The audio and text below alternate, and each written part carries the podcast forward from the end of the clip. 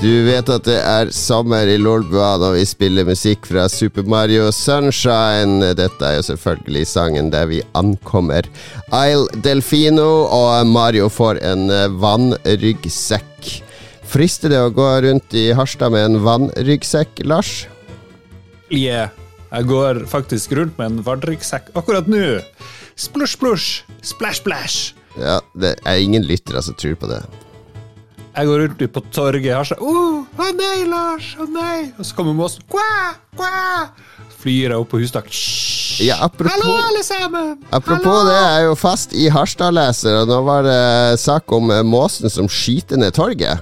Er det sant? Ja, stemmer det. Det var ser ut som noen har skutt med paintball overalt på bakken, da, først og fremst. Med hvite paintballkuler.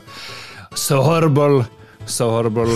Men eh, folk er redd. Folk er redd måsen. Folk er sint for at noen mater måsen. Kommer med en stor prinsesseterte og setter den ut på torget, og noe rart måsen skiter. Er det folk som setter ut prinsesseterte til måsen på torget? Yes. Hva med deg, Mats? Er du måsevenn eller måsehater? Oh. Jeg må innrømme at eh, jeg har gått gjennom hele måsespekteret i mitt liv. Da jeg var liten, så hatet jeg måsen.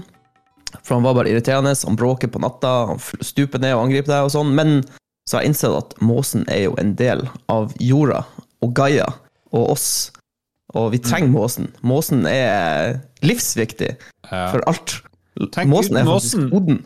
Uten måsen så tror jeg det er krydd med masse rotter i sentrum i stedet. Ja, de tar jo mus og rotte, og det er jo, det er jo, et, det er jo et, et, eh, en stor sirkel av liv og død, og at ting blir spist opp og myrda brutalt.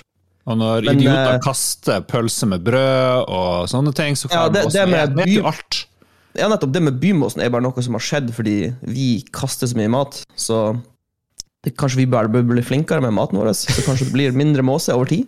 Det, høres ut som dere har hørt på eh, NOAH, som er dyrerettighetsfolka, for de kom jo med en appell nå i juni at media måtte slutte å omtale måke og måse i negative ordelag og fyre opp under måkehatet. Mm. Ja, men jeg er helt enig. Ja. Jeg skal melde meg inn i noe. Ja. Jeg husker vår, en av våre felles venner, jeg tør ikke å si navnet her på, på lufta. Jeg husker han putta sånn fiskestang og fiskekrok inn i en sånn fiskeslo og, vent, og la seg i lur i håp om at måsen skulle spise det, så han kunne få en måse på kroken. Det er dyremishandling. Ja, da snakker vi eh, dårlig karma. Det er 30 år siden, da. Jeg er sikker på han ikke gjør det i dag. Jeg tror alle hadde en sånn her eh, Jeg tror de fleste som har bodd i Nord-Norge, har hatt en sånn episode med måse de, når de var yngre, som de angrer litt på. Hvor de var litt slemme med måsen. Det Ja. tror jeg ikke er uvanlig. Men selv når måsen driter på deg, når du ligger på strada, og så kommer det sånn kledd Bare Den måsen, den måsen, rister du på hodet og, og shrugger What a litt. joker! Ja. For, for en skøyerfugl. Nei, altså eh, Der i øyeblikket blir man jo sikkert sur, da. Men herregud, det er jo, bare, det er jo et dyr, liksom. Hva, hva skal man gjøre? What you gonna do? Jeg tror ikke jeg får lov å bli med i noe, forresten. Fordi min familie hadde jo både rev og minkefarm i Hva sin tid. hva er det du sier for noe? Du er blacklista, Lars. Noen, eh, en mil utfor Harstad så lå det både rev og mink Dette var jeg ikke klar over, Lars. hundretalls. Det her er nytt. Det her er ny informasjon. Mørk, mørk Olsen-historie. New shit has come to light. Ja, ja. Nei, de var, de har, vi har sånne her trofeer. Masse trofeer for beste blårev og masse greier. Dessverre så kom krigen og, og liksom gjorde en stopper på alt det her. Revebusinessen gikk ikke så bra. Og de få som hadde blårev og blåmink, jeg husker ikke hva det heter, det, de mista sitt fortrinn, for nå kunne plutselig alle lage det. Og det var liksom det de raste inn penger på en god stund. Så den her familieformuen Ja, hadde ikke krigen kommet, så hadde du vært sånn der uh, pelsmillionærarving. en rikmannssønn som eh, bader i dyreblodpengene sine. Ja. I, uh, i eh, kjelleren på en sånn familieeiendom her i nærheten, så er det sånne bøker med avlstavle, og den skal pares med den, liksom for å få best mulig resultat. Men maks pels. snakka med onkel om sånn eh, dyremishandling og sånn. Han mente at det, det er bare dårlige eh, pelsfolk som, som plager dyrene sine. For å få bra pels så må du behandle dyrene dine godt. Det tok jeg for god fisk. Ingen dårlig samvittighet. Kan melde meg inn i noe når som helst.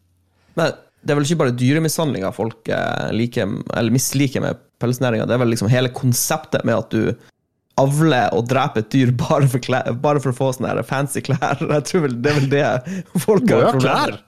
Og så ser du baller ut. Du ser ut som Puff Daddy. Du må jo ha klær, og så må du ha mat. Vi avler jo og dreper dyr òg for mat, så det er Jo, jo vi, er- vi er blitt ganske gode å la, lage klær med syntetisk stoff, men vi er ikke så gode å lage syntetisk mat. Men kanskje hvis vi lærte oss å lage sånn uh, minkekoteletter og, og sånn, Fordi da kan vi Ja. breede det, og så utnytter vi hele Ja, dyret. Vi både lager pels ting. og mat.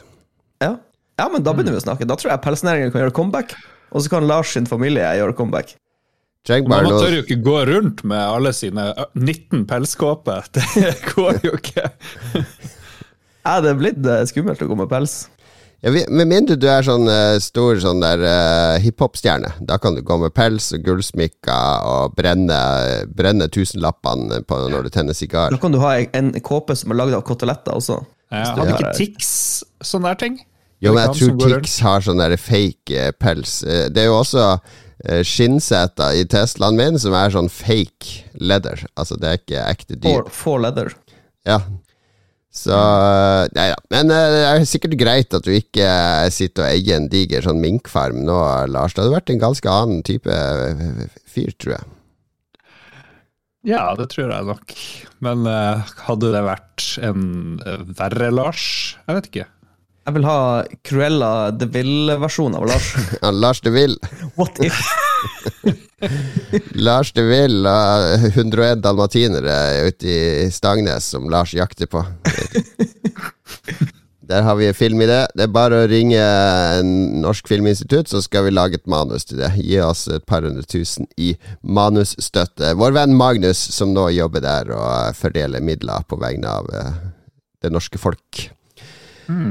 Kommet høyt, vår kjære Magnus. Oh, yes. Lolbua som et springbrett. Nå er han sjef. Ja, ja, ja. Bare brukte oss for det vi var verdt, og nå ser han ikke tilbake. Han har sletta meg fra Facebook og oss begge. Hele for den fortida er lagt, eh, lagt eh, på is.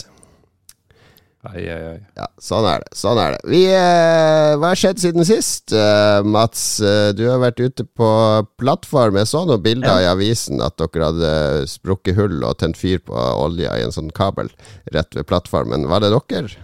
Jeg, så- jeg så eh, Jeg tror det var en plass i Mexicogolfen, så begynte plutselig bare sjøen å brenne. Ja, det var, så litt dramatisk ut. Og så er det masse båter rundt som driver og spyler vann på havet for å slukke. Det, det er det mest absurde jeg har sett. Jeg, jeg er ganske sikker på at hvis ei gassledning på havbunnen eh, får en lekkasje, og det begynner å brenne på overflata, så tror jeg ikke det hjelper å pøse på vann på overflata. Jeg, vet ikke, jeg er ikke en ekspert på å slukke gassbranner, men jeg bare tenker ut høyt her. Jeg likte den der lille båten som sto der. Den bitte lille båten langt borte som bare spruta Ja, det, og neset. gikk, det nådde ikke flammene engang. det var sånn 20 meter under flammene. Ja, nei, nei, jeg har vært, vært på jobb. Uh, utrolig lite spennende som har skjedd på jobb. Det var sånn en dønn standard tur. Men når jeg kom hjem fra jobb, så hadde jeg en pakke på posten som venta på meg. Så nå har jeg endelig blitt med i PlayStation 5-lauget. PS5-gang! Wow! Merker du det at det er, det er litt sånn eksklusivt å bli med i PlayStation 5-klubben, Ja. mens når folk har kjøpt Jeg har meg Xbox Series X, ja, ok, ok. Da kan du spille de Game Det føles som jeg er blitt med i en veldig eksklusiv eh, klubb. Ja, det er, Um, det er rart, det der. Uh, og så skulle jeg Før jeg skulle uh, fyre opp PS5-en, så har jeg jo en, en PS4 Pro som har sett utrolig lite bruk, som jeg tenkte jeg skulle selge. Og da kjørte jeg sånn her eh, slett alt på PS4-modus-greien. Og jeg vet ikke om dere har vært borti den funksjonen før? Det er det ungene som arver her, så det, det, det er det sånn der Det er sånn gradvis overgang til at de tar den over mer og mer. Ja, nei, uansett, det finnes en funksjon på PlayStation 4, og sikkert PlayStation 5, hvor du kan liksom turboslette all dataen. Og da, da går han liksom over flere ganger og sletter alt. Sånn at det er helt umulig. Uansett, hvis FBI får tak i PlayStation, så kan de ikke hente dataen. Den er liksom supersletta. Mm. Men det tar lang tid. Jeg tror det tok tre og en halv time fra han Yes. starta til han var ferdig. Så det var sjokkerende lang prosess. Du hadde veldig mye ulovlige ting. Ja, terror, all terrorplanlegging Ja, lå sånn på PS4-en din. Jeg har sånn her eh, personalinfonoia, så hvis jeg skal liksom selge, selge en PC eller noe, eller en konsoll, så skal det liksom wipes 1000 millioner ganger. Ingen skal få min info, min dyrebare info. Men ja, fått PS5 opp å kjøre. Eh, veldig imponert over eh, hele prosessen. Det var smooth. Det var kanskje litt sånn her eh, Litt tungt på sikkerhetssida. Må kjøre sånn her two-step verification og Hvis Ja, er du- ikke det eller sånn lurt? S- Ja, det er jo sikkert smart, men jeg vet ikke. Hvis du er den eneste som bruker PlayStation 5, så er det jo ikke så skummelt, vil jeg tro. Det, det som de må gjøre med Altså på PC og der, er der må du oppsøke ting i større grad sjøl og laste ned de programmene du ønsker sjøl og sånne ting, så det kan jo variere. Men på PS5 så må du ta høyde for at verdens største idiot skal bruke denne maskinen, som ikke Ja, ja, ja. skjønner hvordan han skal ivareta sin egen sikkerhet og sånn. Så de må jo Det var, én Ja. en ting som var jævlig kult i setup-prosessen. For han, han begynner liksom veldig basic med region og sånn. Og så når du kommet halvveis, så spør han Hei, vi ser at du har et eh, digitalt PlayStation 5-spill. Vil du at vi skal laste dette ned mens vi holder på med denne prosessen? Så da sa jeg bare ja, og så begynte han å laste ned Demon's Souls. Så når jeg var ferdig og hadde satt opp alt, så var basically Demon's Souls klar til å spille. Så det var Ja. utrolig tøff. eh, Det greie. Det er kult. Mm. Hadde du blitt litt nervøs hvis han hadde sagt Hei, vi ser at du ser mye BBC-videoer på porno, vil du at vi skal vise deg litt porno mens du venter? Ja, sånn, sånn eh, British Broadcasting Channel-innhold. Yes, uh, tenker Bra- du British. Broadcasting Channel pornografi. Ja, ja. Har, dere, har dere fått dere med dere eh, PlayStation-minikontroversen? Jeg så det var på nettet i går. Sony krever 25 000 dollar, og gjerne opp til 100 000 dollar, for å feature sånne indiespill i storen. Så det var noen sånne her eh, developers som protesterer. De synes eh, at Sony er noen douches, for det er visst ikke like ille løpet på andre plattformer. Det, det høres ut som en reverse Epic Game Store. De tar penger fra indie-folkene i stedet for å gi penger til det. Ja, det, det er mye negativ feedback på Sony sin eh, nettløsning fra India nå Nei, fra, ikke fra India, men fra Indis. Kommer India-hatet frem her? Ja, India bare Vi ikke liker PlayStation 5. Nå ble det rasistisk. Men uh, vi tar vi, Nei, det var Indis vi snakka om. Uh, de, det har vært mye på Twitter, også fra norske. Ragnar Tørnquist har slengt seg på, fordi jeg kjenner igjen det, det problemet fra når jeg jobba der, at, eh, at Eller har du en tittel som selger, så blir du featured. Har du en Ja. tittel som sliter med å selge, så, så ignorerer de deg totalt. De gjør ingenting for å hjelpe deg å selge litt ekstra, eller komme opp og frem. Det er en sånn her ond sirkel. Så for Magnus Det Sleep så var vi heldige, fordi jeg kom inn på, på storen når det var relativt få indies og god plass, og så var det en populær tittel som hadde solgt bra på PC, og som fortsatte å selge bra på PS4, så vi ble featured i ganske mange sånne salg de to, to og en halv første årene, så boosta inntektene hver gang. Det er, helt, det er akkurat som i Steam, hvis du ikke er med på salg, så Altså, ja. Det er veldig vanskelig å skape salg uten at du er med på Ja. sånn her promotion. I sånn promotion-verden så har jeg fått med meg at hvis ting går bra, da skal du promotere det. Hvis ting går dårlig, så er det ikke noe vits. Det, det funker ikke. Men jeg tipper det er litt annerledes når det kommer 300 spill på en uke eller en måned på, på PlayStation Store, og så aner jo ikke folk hva som er bra, egentlig. Og det er vel helt tilfeldig hva folk kjøper. I don't know, man. Vet ikke hvordan det fungerer. Det er nok vanskelig, og så er det vel noen høye terskler her, og med priser og prioriteringer. Og mange som kjøper PlayStation, de vil jo bare ha et bilspill og et skytespill, og kanskje et spill til i året. Sånn at uh Ja, spesielt med de prisene på spillene på PlayStation 3. Ja, Ja, det koster 1000 kroner for dette spillet. Men jeg regner med vi får høre litt mer om hva du har spilt på PS5 senere, Mats. Yes, sir. Det gleder jeg meg til. Jeg kan fortelle hva jeg har gjort den siste uka. Jeg har vært eh, Kone og barn har dratt til Vestlandet, og jeg er i Oslo fordi jeg har, hadde vært på eh, Har noen sånne legetimer med den evige legehistorien min. Driver fortsatt og utreder ting og tang eh, rundt blodtrykk og, og kroppen min. Er veldig deilig å lære, lære masse om kroppen min. Skal få høre mer om det i neste episode. Men eh, jeg, jeg har en siste legetime nå i morgen, faktisk, og så skal jeg på Vestlandet og bli med familien på ferie.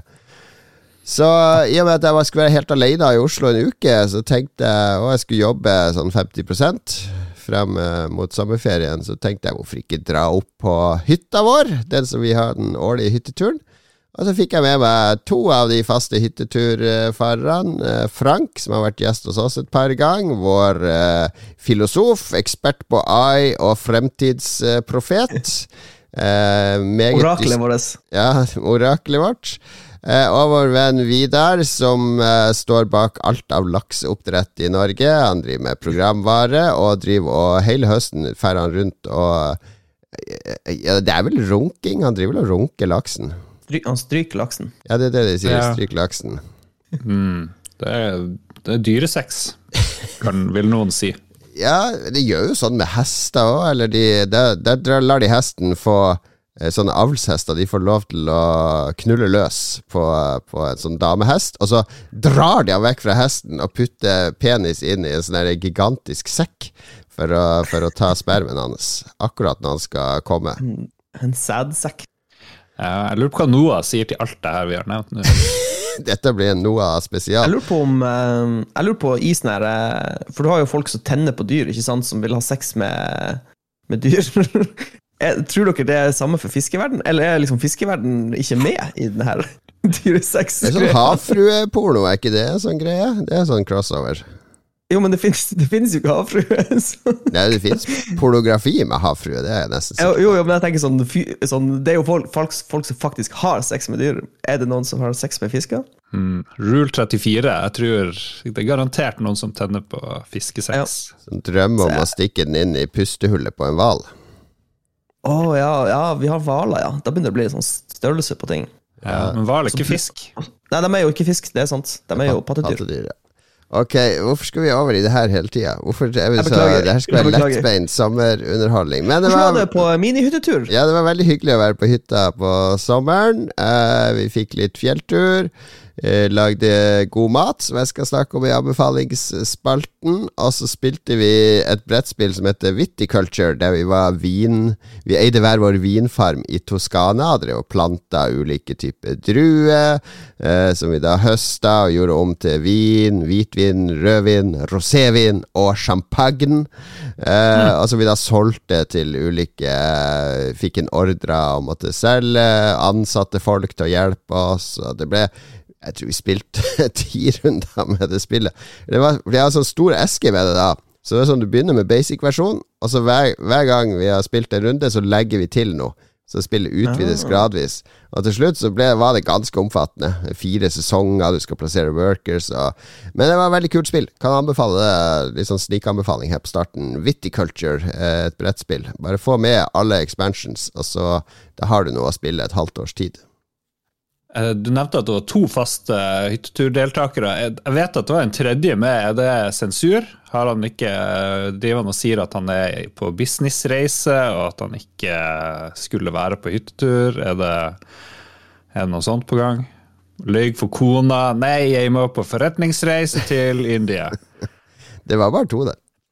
Var det ikke, var ikke han jobba der? Nei, nei, nei, han, det passa Ja. ikke. Ah, ja.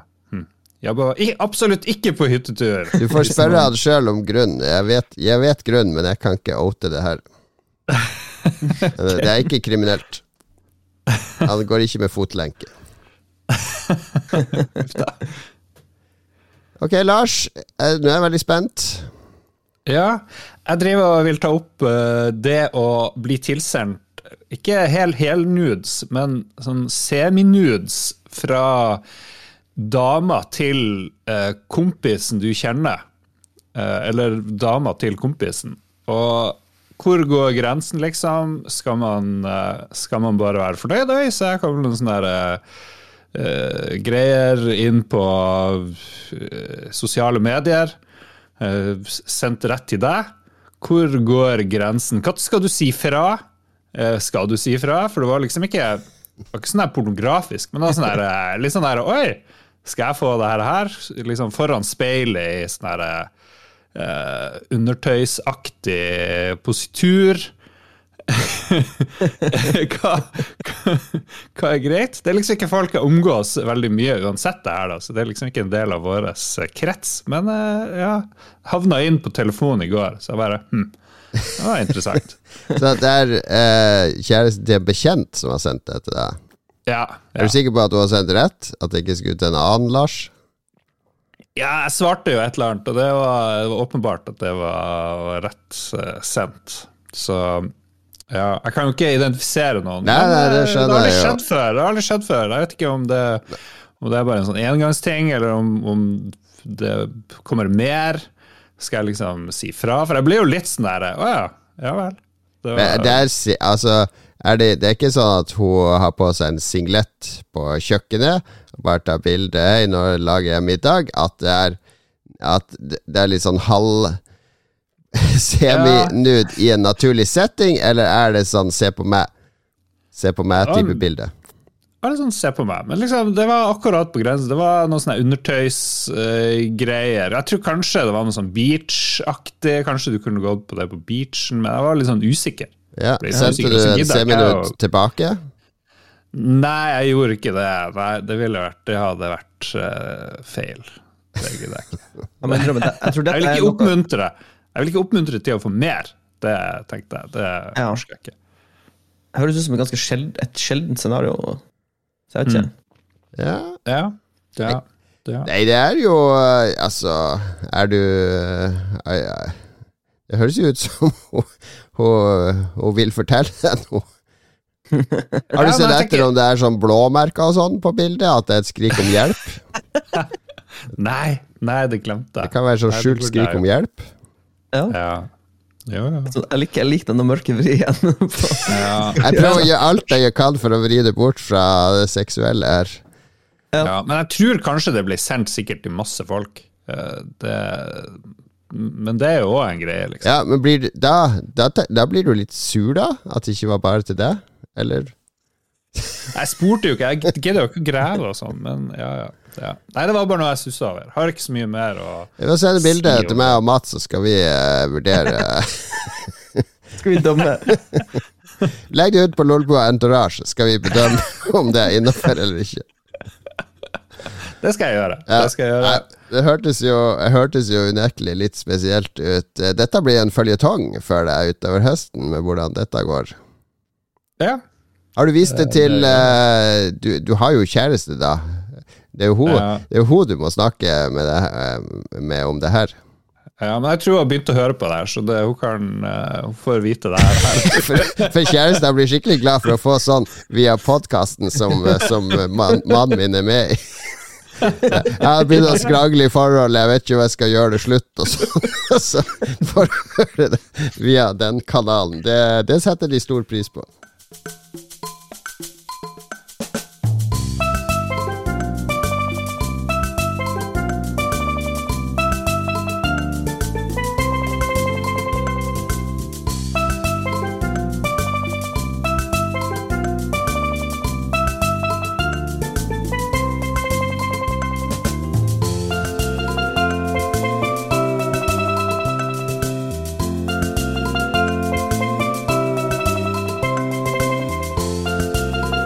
Trodde kanskje at vi var ute på Hawaii nå, men det var vi ikke. Vi tok bare turen innom eh, Gelato Bay, eh, fortsatt i Super Mario Sunshine og, Sunshine og Isle Delfino her, altså.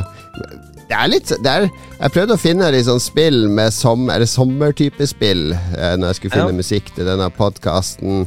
Og det er liksom bare Super Mario Sunshine. Jeg var inne og snuste litt på Dead or Alive Extreme Beach Volleyball, men det er mer sånn ren kåthet og aggresjon, og ikke sånn sommerchill.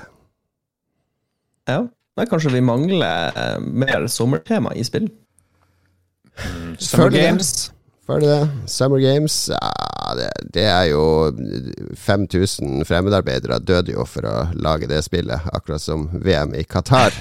Hva er det? OL OL er jo i Tokyo nå, uten uh, publikum. Starter nå straks. Ja. De Ja, sliter jo veldig med covid og delta der borte. Et par utøvere allerede som har testa positivt. Eh, Ingen får lov å komme inn på tribuner. Han Jake Adelstein, eh, en av mine som jeg følger på Twitter, som har skrevet den geniale boka Tokyo Wise om, om yakuzaen der borte. Han, eh, han har vært ganske høylytt på Twitter om eh, hvor fucked det er at de skal ha OL når hele byen er eh, de, de har sånn lockdown i hele Tokyo ut august, for, mest for at de skal klare å, å ha OL. Ikke for, til beste for innbyggerne. ja. De tar en for teamet i Tokyo, da. Høres sånn ut. Høres absolutt sånn ut. Jeg tenker Så et hvis- bilde.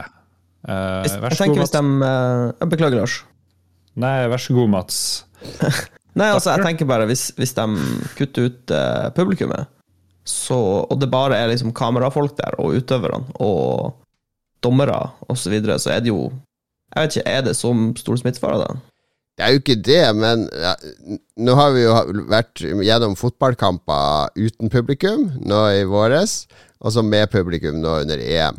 Jeg må innrømme at fotball uten publikum, det er eh, Ja, hva er det? Det er som eh, middag uten saus. Det er et eller annet som mangler, eh, som gjør at det blir en mye fattigere opplevelse. Ja. Ja, nei, altså, jeg skjønner jo, det er jo ikke det samme, men jeg tenker jo Er det mest for utøverne, da? At de arrangerer OL? At de skal få lov til å konkurrere? Og Ja, og så er det jo litt sånn, som jeg har skjønt, at det det er noen land som har så høye smittetall at de kan ikke, de kan ikke delta, rett og slett. Så det blir jo sånn halvveis-OL. De kan ikke reise, de kommer seg ikke inn i Ja. Så Ja, hvis den beste ikke kan komme fordi landet er stengt, så blir det litt dumt, for da kan jo han som vinner på en måte, Han skulle ikke ha vunnet fordi han beste var ikke der. noe sånt, ikke sant? Og, og 70 av inntektene fra IOC, så vidt jeg har skjønt, kommer fra TV-rettighetene til OL. Så for IOC sin del så er det liksom eh, vinn eller forsvinn å arrangere OL nå, eh, etter de utsatte Mm. det i fjor, og få det sendt på TV. Så jeg vet ikke, jeg er ikke interessert. Jeg kommer ikke til å se et sekund OL uansett, så, så whatever. Jeg syns jo det er bedre at de ikke har masse publikum. Det er jo kjedelig for oss som ser på, men jeg tenker jo de her uh, EM-sendingene hvor det er 30 000 mennesker tett i tett på stadion, det kan jo umulig være spesielt bra. Kommer ikke det til å bli en sånn enorm bølge av delta i alle de her byene hvor de Det var kan, eller? godt, det kan godt hende. Det kan godt hende. Jeg mener jo det er bedre å ikke arrangere det før det er trygt. Det var vel mitt poeng, ikke om det var publikum. For da, men, da venter jo Både EM og OL skulle jo være i fjor, så de venter jo til i år, liksom. Ja, ja, men Noe av bakhistorien er òg at de har jo bedt om at sykehusene holder masse kapasitet i tilfelle det blir smitteutbrudd blant OL-utøvere, og alle leger og sykehus i Tokyo er imot det, fordi vi trenger all kapasitet til våre innbyggere, så det er helt unødvendig å belaste oss ekstra med å be oss avgi helsepersonell til å ta vare på et unødvendig arrangement. Så at, da, da begynner du å bli Da krysser du en grense, hvis du stjeler eh, lege... Altså kapasitet på sykehuset. Som, som snart NOA-medlem så syns jeg at det er for mye fokus på mennesker, og jeg syns vi skal tenke mer på dyrene i pandemien. Jeg syns det skulle være dyrenes OL, der leoparden og tigeren og sebraen løper om kapp og sånne ting. Det er forskjellige dyr Ja, Du glemte jo gasellen, Jon Cato. Den er jo raskest. Ja, gasellen òg. De må løpe om kapp 100 meter. Det hadde jeg sett. Det hadde jeg orka å se. Eh, Det er masse sinte mennesker som mishandler dyrene sine under pandemien fordi de får for lite underholdning, så da er det veldig bra at menneskene tar en for laget og underholder folk. Sitter hjemme og koser seg, de ser OL, slår hundene sine mindre. Veldig bra. Et- Nå tror jeg du parodierer et sånn NOAH-medlem mer enn du faktisk prøver. Men det skal ikke handle om NOAH nå, det skal handle om hva vi har spilt siden sist, folkens. Ja. La oss begynne med den eh, ferske PlayStation 5-eieren. Gikk det Var det rett på Returnal, eller var det rett på eh, det andre beinharde spillet? Det ble Demon's Souls eh, fordi det var det jeg hadde lett tilgjengelig. Eh, Så jeg fyrte opp det. Og så må jeg innrømme at det første jeg gjorde Jeg starta opp Demon's Souls, og så hører jeg en sånn lyd. Hva er den lyden der? Hører sånn tikkelyd fra PlayStation. Så går jeg litt nærmere. Jo visst, den lager sånn rar tikkelyd. Så jeg for rett på Google og searcha sånn der PlayStation 5 ticking noise. Og så fikk jeg jo masse treff. Eh, En sånn stor Twitter-tråd med en eh, sånn finsk fyr som hadde funnet ut at eh, eh, det var en sånn klistrelapp som kunne løsne og ta borti vifta og lage en sånn lyd. Så det første jeg gjorde, var bare å powere ned min PlayStation 5. Ta fra alle ledningen, eh, snu den, ta bakdekselet, eh, ta fire sånne Torx 8-skruer og løfte opp vifta for å se om jeg også hadde en sånn klistrelapp som uh, lagde lyd. Men det hadde jeg ikke. Så det er bare Det er bare sånn Hæ. coilwine elektronikklyd som egentlig alle kraftige grafikkort lager. Det, det er bare blitt mer tydelig nå i konsollene, fordi Ja. GPU-ene har blitt kraftigere og kraftigere, du har flere kapasitatorer. Som kan lage sånne summelyder, så det, det var ikke noe Det var ikke noe unormal lyd. Kan godt hende jeg hadde sånn lyd på PS4-en, men den eh, og ble overdøva fordi den hørtes ut som en støvsuger. Ikke sant? Det var Ja, fordi den vifta, den vifta i PlayStation 5 er jævlig bra designa. Den er gigastor, og så går den ikke på så høy RPM, så den, den lager lite lyd. Ja. Så da, og da kommer alle de andre lydene fram, som en, eh, en spillmaskin lager da. Ja. Og så er det veldig stille i stua mi. Det var nok derfor jeg la merke til det. Ja, Men hvis jeg bare satte opp lyden litt på, på Demon's Souls, Ja. så forsvant den lyden bort Ja, nei, men Kult å høre om Demon Souls. Hva? Jeg måtte bare, Ja. jeg måtte bare fortelle litt uh, omstendighetene rundt min første PlayStation 5. Ja, men så fikk du endelig kommet i gang med Demon Souls. Spilte du det opprinnelig på PlayStation 3, eller er det første gang? Ja. Uh, jeg spilte Demon's Souls på PlayStation 3, men jeg gikk aldri gjennom Demon's Souls på PlayStation 3. Nettopp. Eh, og så kom jo Og så kom jo Dark Souls, og da ble jeg liksom hekta på den serien. Så, så Demon's Souls var bare sånn Holy shit, det her er vanskelig. Ja. Det var litt sånn her Jeg hadde en dårlig TV, så det var litt vanskelig å se hva som skjedde i spillet. Eh, men Dark Souls og alle spillene etter det har jeg gått gjennom. da Så nå tenker jeg endelig kan jeg spille gjennom Demon's Souls. Ja. Så um, jeg har jo ikke fått spilt så mye, da, for jeg, jeg fikk han jo opp å kjøre i går kveld. Så jeg har spilt eh, kanskje litt over én time, Ja. eh, Demon's Souls. Men eh, fy fader, det spillet ser bra ut. Det er helt Veldig bra sykt teksturer. bra grafikk. Ja, det er utrolig detaljerte teksturer. Mm.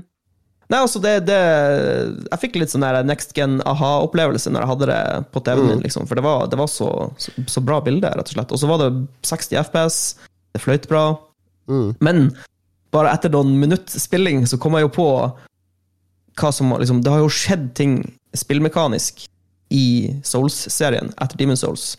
Det er jo blitt litt sånn snillere med spilleren.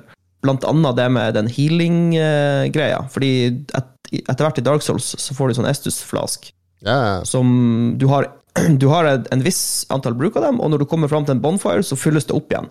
Så du vet hele tida at du kommer til å få healinga di tilbake igjen.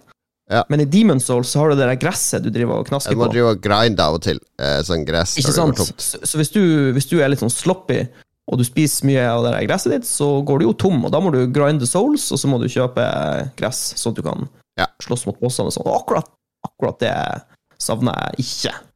Men, eh, men alt det andre er super, super nice. Ja, det er jo litt uh, Det bruker ikke raytracing, for eksempel, som flere andre PS5-spill gjør. Så det, det er litt sånn at uh, på en måte jukser med grafikken, for de kan bruke all kapasitet de har, de her superhøydetaljerte teksturene Jo, som er liksom spesialskrudd sammen til områdene.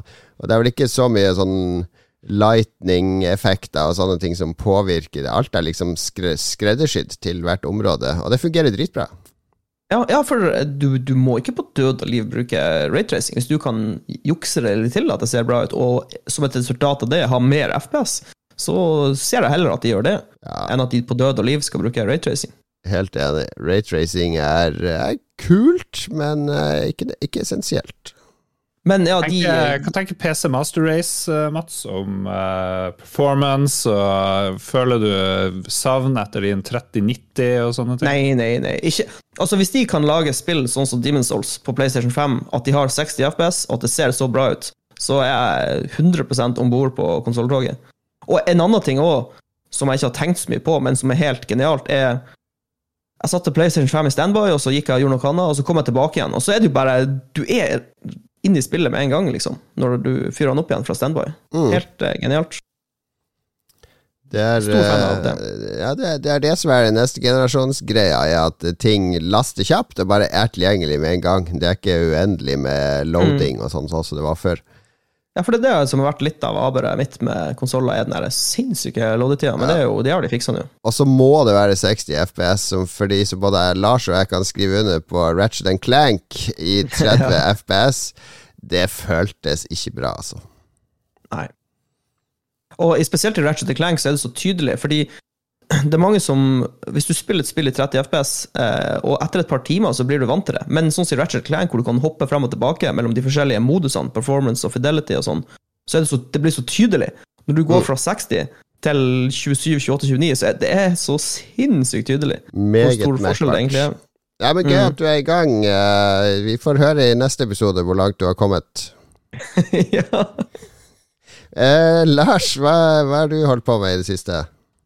Jeg er jo en stor GamePass-fan. Det, det er jo Mr. Gamepass! Mr. Gamepassere. Så du bruker PlayStation 5 veldig lite, for nå har jeg nå, jeg møtte litt kvist i, i, Returnal, som jo er det eneste jeg har spilt nesten på PlayStation 5. Jeg har liksom gjort alt. Jeg mangler bare å ta siste bossen og liksom få true ending og alt det der. Jeg skal fortelle deg noe Og- trist om Returnal.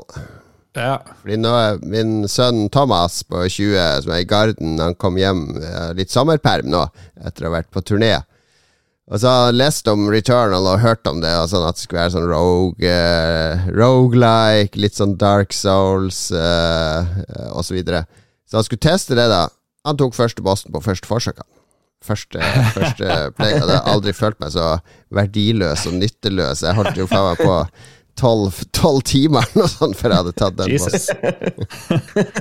Åh, ja, vi er litt dårlige En som var ung Nei. og hadde reflekser fortsatt. Ja. Så det er lite PlayStation 5 nå. Jeg fikk noe greier fra Namco Bandai, jeg husker ikke hva det heter. Noe sånn her ja, animedrit. Det gleder jeg meg til å prøve. Det tror jeg er bra. Send, send ting til oss, folkens. Send drit til oss, så skal vi se på det. Eh, men for denne episoden så har jeg spilt Slay the Spire, og oh, ja. så tenkte jeg det kunne jeg jo sammenligne med det her Monster Train med hjelp av dere, ja. for jeg har ikke spilt så mye av de her tingene. Men begge to er jo sånne kort, kortspill. Du får Mm. random kort, og så skal du slå random fiender, og så skal du komme deg videre og videre. Og så etter hver kamp så får du nye ting. Det er liksom felles med både Slay the Spire. Du får Ja, gull, og du får nye kort og sånt, og litt sånn random encounters. Og det jeg la merke til, var at det var kanskje litt feil å spille Monster Train først, fordi det virker som Slay the Spire er liksom det grunnlaget som, som Monster Train sikkert bygger på, på et vis. Og det var litt enklere, litt mer meg, ikke så veldig mye muligheter som i Monster Train, hvor du kan liksom reforge kort og det er jo litt mye å liksom tenke på. Så jeg må si jeg, jeg føler meg mer hjemme i det her Slay the Spire. Sånn Det er veldig rent Slay the. Spire, veldig fokusert. Ja, jeg, jeg tror at uh, fra et sånn gamedesign-perspektiv så er Slay the Spire mer balansert. Eh, det er ikke så mye broken combo, mens i Monster Train så er det noe greier som bare Noen synergier som bare baller så sinnssykt på seg og tar helt fullstendig av.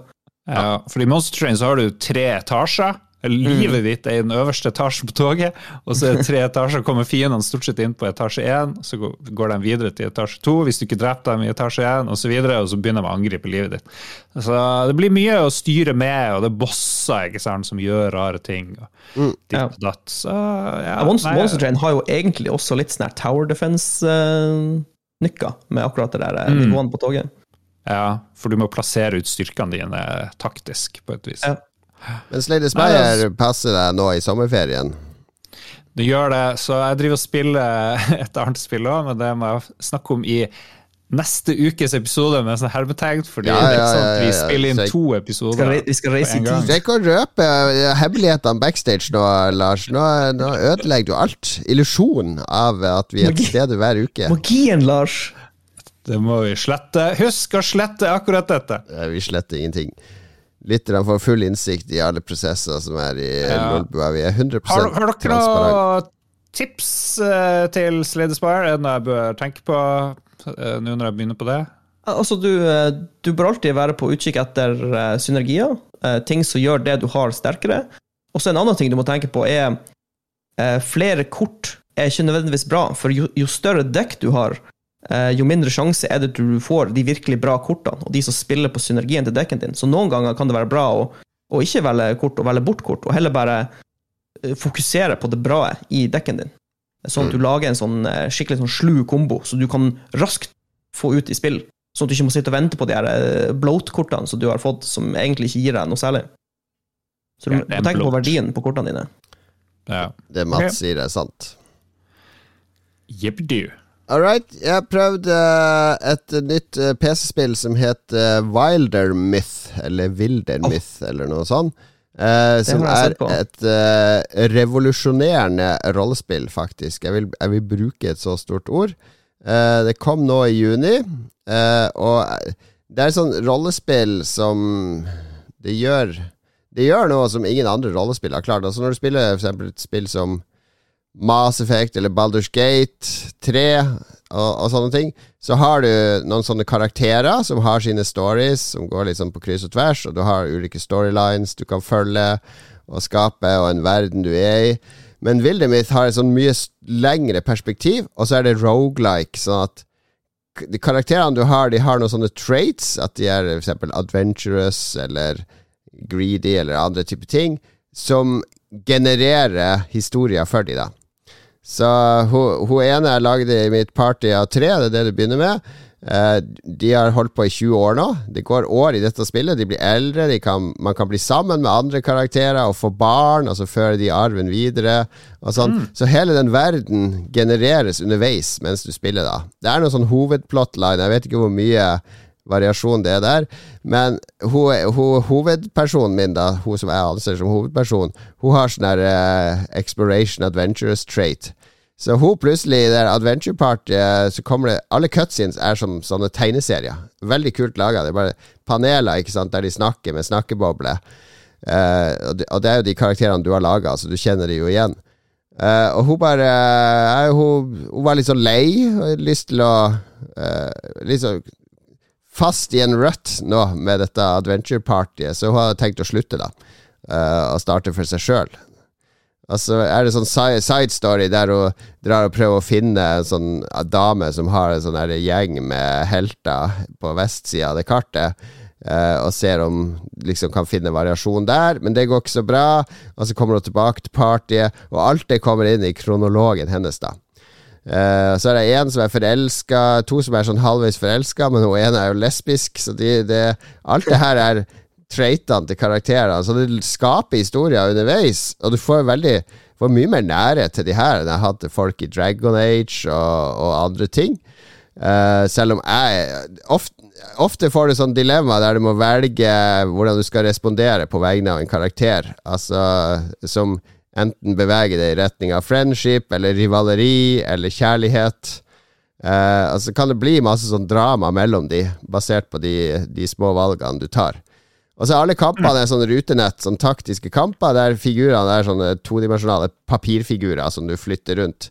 Så der, De har valgt en sånn relativt rimelig løsning for å visualisere det, men det funker så bra. Det er sånn helhet i det grafiske bildet som gjør at det er enkelt, men alle figurene er ser ut som de de er.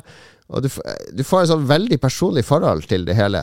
De går rundt på kartet, rydder områder, bygger baser, slåss med monster. Det er sånn plotline som går videre, får nytt utstyr. Så det er et klassisk RPG, men det er det der tidsperspektivet og det at du skaper sånne legacyer, og det blir din historie, som gjør det helt, helt unikt. Ja, du, du, får, du, føler liksom at det er en, en, lengre kampanje, på en måte, siden folk kan Ja, at det, du føler at det er sånn Det er det første gang jeg føler at det er sånn der uh, Sånn RPG, sånn som vi spiller Dungeons and Dragons. Der mm, historien blir til underveis. Uh, mm. At du ikke bare spiller gjennom noe som noen har uh, snekra sammen fra A til Å på deg på forhånd, med noen sånne der små sidespor underveis. Ja, nei, Jeg så litt på noen eh, streams og Let's Plays eh, når jeg var på jobb, eh, og så var jeg supernært å kjøpe det, men jeg, tenkte, det ble bare, jeg hadde ikke tid til å spille det, så jeg tenkte bare jeg kunne vente. Men det så, det så utrolig kult ut. Det Veldig mitt type mm. spill. Ja, det er veldig så Rock Paper Shotgun har en sånn veldig god oppsummering Ja, det. Your characters age, they grow, and they have stories of their own. They can die, they fall in love, they have kids, they chase dreams and make terrible decisions. It's those subplots and the chaos and chance of battle and your own colliding decisions that will make them people to you, not just a collection of traits and numbers. Kommer det her til konsoller? Ja, det er veldig konsollvennlig, så jeg vil tro at det kommer der etter hvert. Det, det, burde fint være mulig. Men det har fått sykt bra kritikk. Eh, på Steam så er det sånn 95% positive anmeldelser. Og det er, det er noe helt unikt uh, nytt i rollespillsammenheng. Og det at de har alle cutscenes er sånne tegneseriepanel som liksom er generert, gjør at du har ganske mange ulike typer cutscenes og stories som, som fortelles. Så ja, jeg, jeg, er meget imponert. Det er det koseligste jeg har spilt på lenge. Jeg føler meg tett knytta til mine karakterer Synne Strand og Frank Johansen og, og, og Tore Helix Nilsen og Ja, og så videre. Jeg har selvfølgelig gitt de navn og laga de etter folk jeg kjenner. For da blir det enda, enda morsommere. Det gjør man jo også i XCOM ofte. Ja, ja, ja. Developeren posta for ett år siden på Reddit at det blir vanskelig å porte siden det er en custom engine basert på noe Java-greier. Ja, That's ja, my bad. Men hvis du ser, når du ser hvor, ja, hvis du ser hvor stort, stort de gjør det, effort. og når de tjener 20-30-40 millioner dollar på det, så er det ikke så vanskelig. Oldboy var også vanskelig å porte, men det går bare du har eh, penger nok, Altså, har jeg hørt.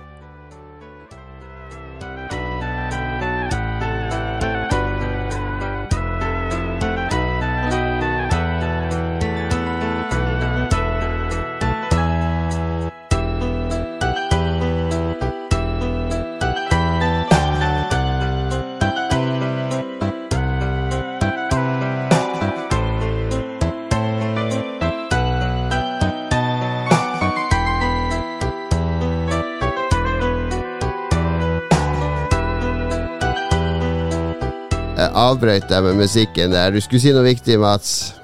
Nei, det var bare Altså, PlayStation 5 og Xbox, moderne Xboxer, det er jo X86-arkitektur. Det er jo PC-er, PC-CPU-er og GPU-er. Så det, hvis du vil ha et spill som fungerer på PC, på konsollene, så får du det til. Det er bare snakk om penger, som du sier. Det går helt sikkert. Vi hørte musikk fra Etrian Odyssey, eh, som egentlig er en sånn Nintendo DS eh, Gameboy-serie med klassiske RPG-er, førstepersons RPG-er, der du går rundt i et rutenett. eh, ser fra førstepersons perspektiv. Men dette var da fra mobilversjonen av Etrian Odyssey. Det hørte du sikkert, Lars. Ja, det her. jeg Hvem kjente ikke igjen det, altså? Hvis du ikke kjente igjen det, du er ingen gamer. Jeg savner Gelato Bay. Jeg vil tilbake til Gelato Bay og spise gelato. Nå er vi i skogen i Etrian eh, Odyssey. Og vi, i denne skogen så finner jeg et gammelt nummer av Starlet. eh, Back by popular demand er personlighetstest. Det er litt sånn hit and miss i personlighetstestene, for det går litt på tema. Den forrige av Lars tok, var ikke den beste, men den jeg har her nå, den tror jeg er eh, perfekt for oss. Spesielt for Tror oss. dere det var noen som fant en sånn pose med Starlet-blad i skogen før i gamle dager? Sånn som med pornoblad. Men istedenfor pornoblad, så var det bare Starlet. Det var litt sånn flaue menn som leste Starlet i skogen. Ja, så gjemte det, gjemte det ut. Alle som hadde små eller store eh, søster, der sneik man jo i Starletene, herregud. Ok, Ja, det, er bare, det er bare fem det. spørsmål, og jeg syns det er veldig Ja. relevant til oss og gruppe her. Eh, fordi eh, temaet er rett og slett 'hvor voksen er du'? Oi. Det, dette kan jo bli avslørende ene eller andre Oi. veien, så vi får svare ærlig. Og du også, kjære lytter, kan jo være med og teste deg sjøl. Jeg skal si eh, på, føre opp poengene underveis, så at du kan føre dine egne poeng og se hvor du havner. Det er fem spørsmål om hvor voksen du er. Altså Nå må jeg jo gjøre det om, siden vi er mm, heterofile menn, så vidt jeg vet. Så, så gjør jeg det om til at uh, i stedet for at vi skal ta stilling til å kline med gutter og sånne ting, så kan vi ta stilling til å kline med jenter. Ok? ok. Uh, spørsmål igjen. Kompisen din er sammen med verdens herligste dame. Eh, Du vet at kompisen din forguder dama, men du har en mistanke om at følelsene ikke blir besvart. En dag ringer dama til deg, eller sender deg et lettkledd eh, bilde, og spør om du vil bli med ut. Hva svarer du? A. Du svarer ja takk. B. Forteller alt til kompisen din. C. Sier nei av prinsipp. Eller D. Sier nei, men ber eh, henne om å kontakte deg igjen når hun har gjort det slutt med kompisen din. Mm. Mm, jeg lurer på meg øyeblikkelig har lyst til å si C. Nei av prinsipp? Mm. Siden de faktisk er sammen fortsatt, så føler jeg det blir superfeil å prematurt starte noe. Ja. Ja. Ja. Ikke si fra til kompisen, altså. Ikke første gang. Det er jo én gratis. One. The first one's free. uh, Ja. ja. Ja, jeg Kanskje- føler kanskje- Det relaterer jo til uh, tidligere opplevd uh, ting, men jeg følte ikke at det var en sånn invitasjon, kanskje, jeg vet ikke. Men den her bekjente Jeg har ikke, jeg har ikke sagt fra, liksom, for jeg tror hun sendte det her til liksom alle. Men jeg følte liksom Hvor er grensa? Dette er jo, dette er jo basically det vi snakka om Det, tidligere. kommer, det kommer jo an på Hvis det hadde vært dama til Lars, så hadde jeg sagt fra til Lars. Ikke sant? Eller hvis det hadde vært Ja. dama til til en, en nærme regnes som en av mine nærmeste, så hadde jeg sagt fra. Og at det var et relativt ferskt forhold, så hadde jeg sagt Mm. Du, hun, dama di hun faktisk sett meg det her, jeg beklager. Eh, du, du bør Ja. vite det. Så jeg hadde Hvis det er nær kompis, så må du si fra, tenker jeg. Hvis du bare er liksom bekjent, sånn som var i, i det her tidligere nevnte tilfellet, så får det bare være. Men jeg går jo ikke etter det. Og nå er jo vi, eh, Jon Cato, i et godt forhold. Må vi, må vi svare ut fra i dag, eller er det fra 80-tallet, liksom? Hva, hva er settinga her? Det du det vi svarer fra i i dag. Det er det som er poenget. dag? Ja. Nei, hvis det, hvis, det, hvis det bare er ikke en veldig nær venn, bare en bekjent, så gjør jeg sånn som han Mats. Da bare sier jeg nei. Hvis det er en god venn, da må vi Jeg sier at det er veldig det, nær. fantes, det fantes ikke et svaralternativ for det vi egentlig har lyst til å si, da. Nei, men vi må jo velge alternativ. Vi, vi sier at det er en ganske nær venn. Det er dama til ja. Lars som har sendt deg bildet her, Mats. Men da, men da, da finnes jo ikke svaralternativet som jeg har lyst til å si. Som jeg har lyst til å si fra. Eller fattes det? drepe henne. Jo. Hva var det B, da? B er fortelle vennen din alt sammen. Ok, da blir det B. Det blir B på alle Ja. sammen. Det tilsvarer da, kan jeg si, hvis du svarte A, ja takk, det er to poeng. B er ett poeng. C er eh, tre poeng, og D sier nei takk, men ber eh, hun kontakte deg igjen når hun er singel, er fire poeng. Oh. Vi får se hvordan det skårer seg ut eh, på, på slutten. Du også, lytter, har jo vært med og svart. Klar for spørsmål to? Eh, du er på diskotek og danser veldig mye med en dame. Uh, hun blir jeg har et spørsmål. Ja. Er det silent disco? Har vi på oss sånn headphones? Nei da, det er eh, god gammeldags disko. Spille 80-talls-slegers, danse til Top Gun, uh, Kenny Loggins, uh, Footloose og, og Top Gun-team osv. Uh, dama blir interessert i deg og vil ha telefonnummeret ditt, men du er egentlig ikke så interessert. Hva gjør du? A. Gir hun telefonnummeret ditt likevel? B. Takker for en hyggelig kveld, men gir hun feil telefonnummer. C.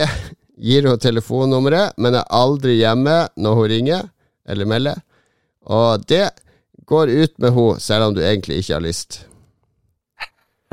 Det blir jo glatt av, da. Herregud. Ja. Jeg gir henne telefonnummeret til Noah. Du gir henne feil telefonnummer. Har du gjort det noen gang? Nei, jeg har ikke gjort det noen gang. Uh, nei. Nei. Hmm. Men det er jo morsommere å gi feil telefonnummer, da.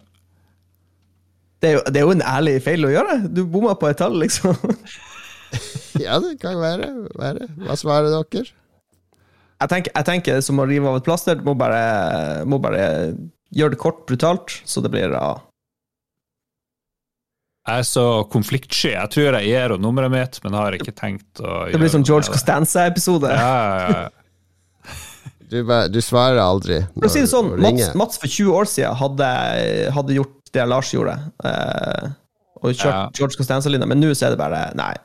ja, ja. Jeg, jeg, snakker, jeg svarer ikke ut fra i dag. Jeg vil jo ikke gi henne nummeret mitt i dag når jeg har kjæreste. Det, Jeg, Du må jo gå ut fra at vi er single i disse premissene. At vi er tilgjengelige. I, pre, i premisset må vi jo gå ut fra at vi, vi er tilgjengelige. Tenk hypotetisk, Lars. Moderne Lars uten kjæreste.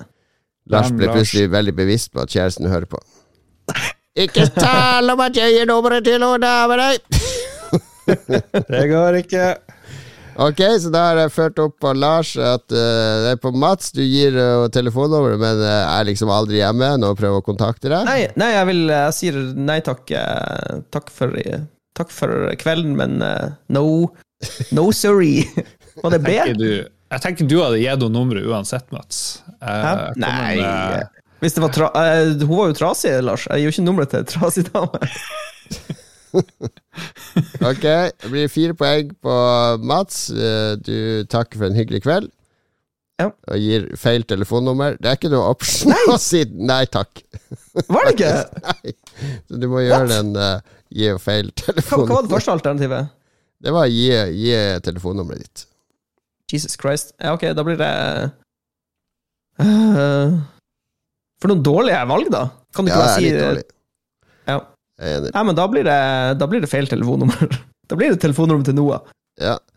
Og Lars, er du på samme? Ja. Telefonnummeret til Noah er fire poeng på deg òg. jeg gir henne telefonnummeret. Det er for, jeg kan jo selvfølgelig ta det derifra og takke nei der. Det er jo ikke noe problem. Altså, du kan jo finne telefonnummeret ditt i telefonkatalogen. Nei, jeg er ikke i telefonkatalogen. Du kan, ta, hvis du vil ringe til Mats, ta kontakt med meg, skal du få nummeret hans. ok, spørsmål tre. Verdens kjekkest, verdens peneste dame har lovt å ringe deg denne uka. Nå er det onsdag, og hun har ennå ikke ringt. Hva gjør du? A. Gi blaffen i det. Verden er full av damer. B. Du blir deppa og nekter å gå ut med noen andre. C. Du gir ikke opp håpet, det er jo fremdeles bare onsdag. D. Bestemmer deg for at neste gang du møter en dame, så bestemmer dere et nytt møte med en gang. Jeg tenker C. Ja. Går det ikke an å kontakte deg, dama? Nei. Det er tydeligvis ikke Jeg tenker, jeg Det er litt sånn kjønnsrolle her, Fordi de er jo laga for jenter, disse spørsmålene. ikke sant? sant? Så det, det var nok eh, fortsatt eh, sånn at gutta skulle ta kontakten på denne tida. Ja. Nei, men jeg, har, jeg er optimist. Jeg tenker at eh, hun blir å ringe på torsdag. Ja, du gir ikke opp håpet. Jeg fair, det. Barbara! Ring på torsdag! Jeg tror eh, Hvis det var, hadde vært i gamle dager, det, det er da hadde jeg nok blitt uh, litt deppa. Uh, det var, jeg var litt emo på, i gamle dager. Men nå i dag så tror jeg at Jeg vet ikke Hadde du tatt på litt eyeliner Jeg har vært på på, jeg vært på eh, Mats sitt kjør. Jeg hadde nok tenkt at skjer det, så skjer det. Ja. Ja. Litt mer avslappa. Mm. Jeg hadde blitt veldig aggressiv og insistert på neste kvinne jeg møter, at vi skal ha en sånn kjempekonkret avtale. Klokkeslett. Må få telefonnummer, Ja, osv. Fax. du hadde gått for den? Jeg har gått for den, så hadde jeg trøsta meg med kontakttelefon i mellomtiden. Ja, det, det, var, det var saker. Er det noen jenter her? Hallo? Er det noen jenter her? Hallo? Er det noen jenter her? Hallo? Prøv å gjøre stemmen mørkere. Hallo, jeg spiller fotball. Er det noen damer her? Er det noen damer her på chatten? Hallo? Noen som liker å høre kassegitar? Hallo? Ok. Beklager det. Hvordan stjernetegner stjernetegn er du? hvordan reagerer du når kjæresten din skal presentere deg for foreldrene sine? Det har jo du nettopp vært gjennom, eh, Lars. Her kan du kjenne på ekte følelser. Mm. Ok, Første gang kjæresten din skal presentere deg for foreldrene sine A. Du syns at det skal bli gøy. B. Du blir kjempenervøs. C. Du blir litt skjelven, men syns det skal bli gøy likevel. D. Du nekter. Du er redd for å dumme deg ut. Ja, Lars på 80-tallet hadde jo vært veldig nervøs, men i dag så går det helt fint. Ja, Det det. det, blir- det blir gøy, det. Ja, ja, ja. ja. Ja. Mats? Jeg tenker den uh, nervøs, men det blir sikkert ålreit. Var det et alternativ? Ja, ja, ja. ja. Ja, C. Alternativ C. Tror jeg hadde blitt nervøs. Ja.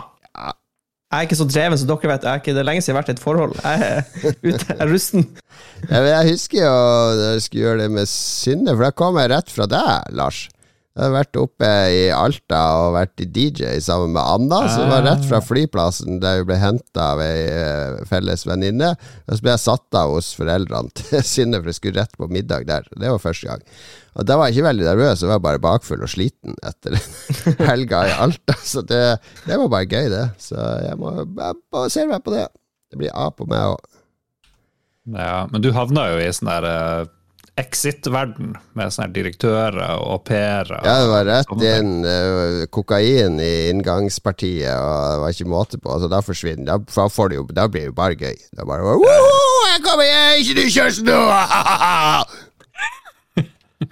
Jeg husker du sa det.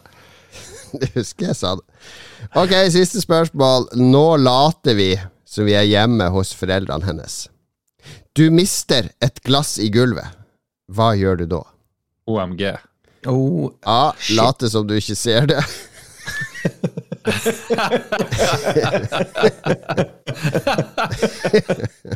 B. La mora hennes feie det opp, men tilbyr deg å erstatte det. C. Du plukker opp glasskårene sjøl og ber om unnskyldning. D. Du rødmer voldsomt og prøver å unnskylde det. Hei, vi er vel modne nok til at det blir C på ja, alle mann her. C. Ja. Men jeg, lik, jeg må si at jeg liker humorpotensialet i A. At du bare knuser et glass og bare Jeg var ikke med! Se, se. Jeg lå der hele tida. All right, vi gikk alle for C der, helt klart. Da skal jeg summere opp poengene der. Og det er altså litt sånn luring den her, for hvis du får for mye poeng, det er også negativt. Og for lite poeng er negativt. Så her var det om å gjøre å være i midten. Ok. Så vi kan si at Mats, du hadde tolv poeng.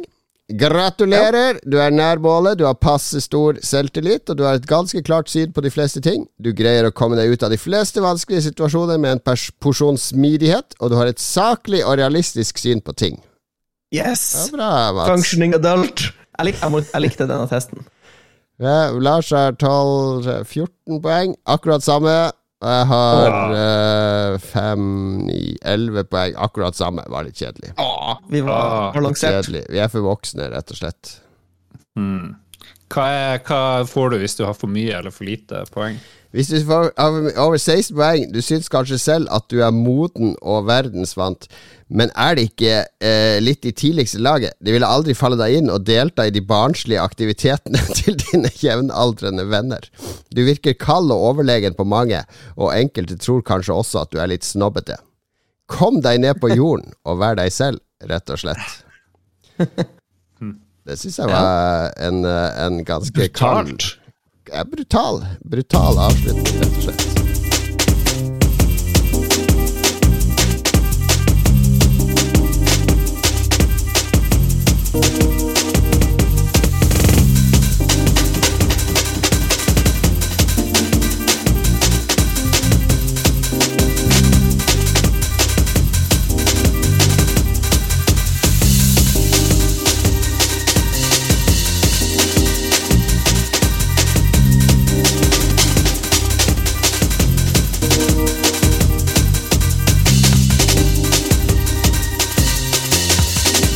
Dette var litt uh, sommerstemning, eller?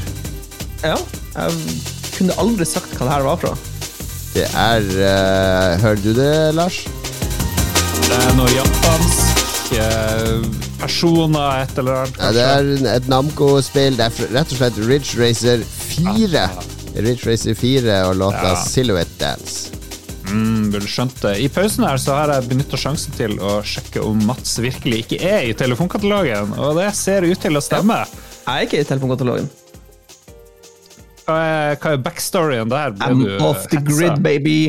Nei, uh, storyen er at uh, jeg har telefon gjennom selskapet mitt. Jeg får De betaler telefonregninga mi, og så får jeg telefon hos dem. Så eh, hvis du skriver inn mitt nummer, så får du bare opp Scanwell AS. Nettopp. Enkelt og greit. Crazy. Men du er på Facebook? Jeg er på Facebook, ja.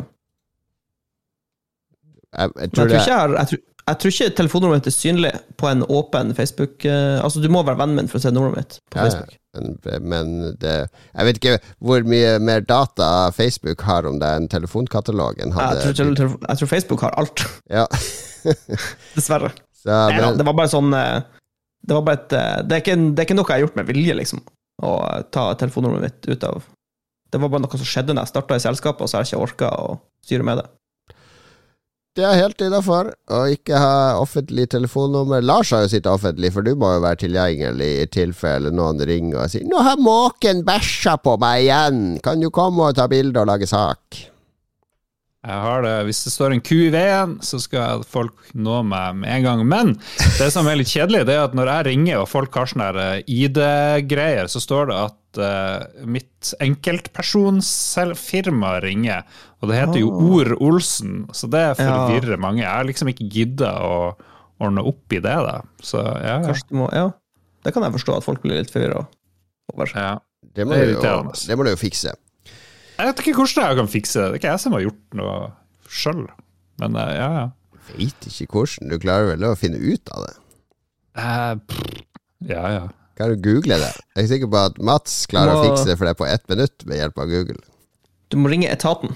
Ja. Og må kjøpe sånne greier, betale 20 000 til 1881, som ringer meg en gang i måneden for å spørre om vi ikke skal ha Lolbua oppført på 1881, så folk kan finne oss og kjøpe tjenestene våre. Og da svarer jeg alltid 'Hvordan har du fått det nummeret her?' 'Hvordan vet du at vi har Lolbua?' Klikk.